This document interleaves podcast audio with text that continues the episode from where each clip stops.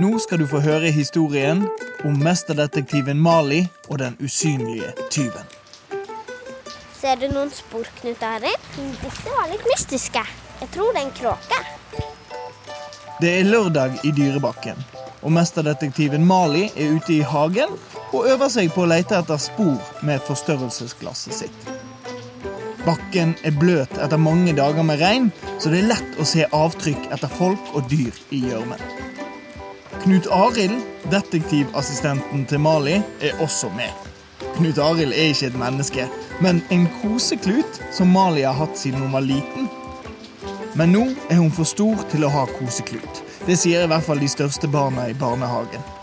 Så nå har Knut Arild gått fra å være koseklut til å bli detektivassistent Klut. Se, Knut Arild, det er en kråke.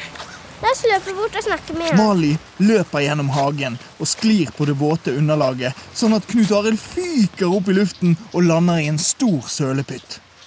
Han blir helt full av brun og seig gjørme. Og kråken den liker ikke alt bråket, så den flyr vekk med en gang. Å nei, Knut Arild! Går det bra med deg? Kom, så går vi inn til mamma og får deg rein. Neimen, hva er det som har skjedd? Se på Knut Arild, han er jo helt innsausa i klissegjørme. Han falt mens vi jaktet på en kråke i hagen. Uff da. Jeg får nesten gi Knut Arild et deilig bad i vaskemaskina. Da blir han så god som ny igjen. Nei, mamma, stopp! Du kan ikke putte Knut Arild i vaskemaskina. Hun kommer til å bli svimmel og redd. Ja, sjølsagt. Hva var det jeg tenkte på? Se her, vi bader han i vasken i stedet for. Mali og mamma vasker den lille, lodne assistentkluten med varmt vann og såpe. Knut Arild blir helt skinnende rein og ser ut akkurat sånn som han gjorde før. Kom, så henger vi Knut Arild på tørkesnora. Det tror jeg han kommer til å like. Det tror jeg også. Han er jo veldig glad i høyder. En liten tøffing. Vel, da må Knut Arild nesten bare henge her til i morgen og bli tørr. Vi får bare håpe det ikke kommer regn i natt òg. Ha det, Knut Arild. Vi snakkes i morgen. Da skal vi leke mer i hagen. Tidlig morgenen etter så løper Mali rett ut til Knut Arild på tørkestativet. Det er så vidt hun har tid til å spise frokost en gang. Men hva ser hun? Å nei! Knut Arild er borte!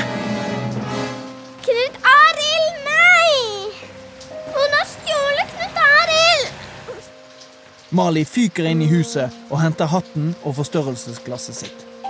Dette er en sak for mesterdetektiven Mali. Hun trenger jo assistenten sin. Det første Mali gjør, er å legge seg ned på alle fire og lete etter spor. Men det er ingen spor i gjørmen under tørkestativet, og heller ingen spor andre steder i hagen. Mm. Det blir mer og mer mystisk. Men selvfølgelig. Det må jo være kråka som er tyven. Mali vet hvor kråken har reiret sitt. Det er et digert, gammelt tre i utkanten av hagen. Hun finner treet og klatrer opp. Høyt opp. Ja, så høyt at hun ikke tør å se ned engang. Hun klatrer og klatrer. Så finner hun reiret og ser inn. Hmm. Der ser hun først ingenting. Men så dukker det opp to svarte øyne som stirrer ut på henne. Kråken flyr skremt ut av reiret og får Mali til å miste balansen. Wow, jeg kommer til å falle. Men i siste øyeblikk så får hun tak i greinen ved siden av og holder seg fast. Hun ser inn i reiret igjen. Det ligger noe der inne. En bruskork. Hmm. Det er ingen spor i gjørma. Og det er ikke kråka som har tatt Knut Arild. Da må det jo være en usynlig tyv! Mali kommer seg trygt ned igjen på bakken og grubler lenge. Hvordan i alle dager skal hun avsløre en usynlig tyv som ikke setter spor etter seg? Hun går rundt i ring og tenker. Aha, jeg vet hva jeg skal gjøre. Jeg skal lage en felle som fanger den usynlige tyven, sånn at jeg vet hvor han har gjemt seg. For å lage denne tyvefellen så trenger Mali en gammel vaskeklut. Fordi den usynlige tyven tydeligvis er på jakt etter kluter. Nede i kjelleren så finner hun et spann med rødmaling som hun dypper kluten i. Sånn. Nå er vaskekluten full av maling. Det er så mye maling på vaskekluten at det drypper av den. Så, hvis tyven prøver å stjele denne kluten her, så kan Mali følge malingssporet helt frem til skjulestedet hans og redde Knut Arild. Så Mali henger opp kluten på tørkestativet, og fellen er klar. Mali går i dekning i dukkehuset, der hun har god utsikt til tørkestativet. Og så er det bare å vente. Lenge. Mali venter og venter, og ingenting skjer. Så lenge venter hun at Mali kjenner at nå begynner hun å bli veldig sulten. Hun blir så sulten at hun bare må løpe inn og hente et eple. For uten mat og drikke duger mesterdetektiven ikke. Men når hun kommer ut igjen, så er kluten borte. Oi, den usynlige tyven har vært her. Og følg fungerte! Hurra! Her kommer jeg, Knut Arild. Fra tørkestativet ser hun masse røde malingsspor bortover den gjørmete hagen. Som om en hel flokk med snegler dyppet i maling har vært ute på tur.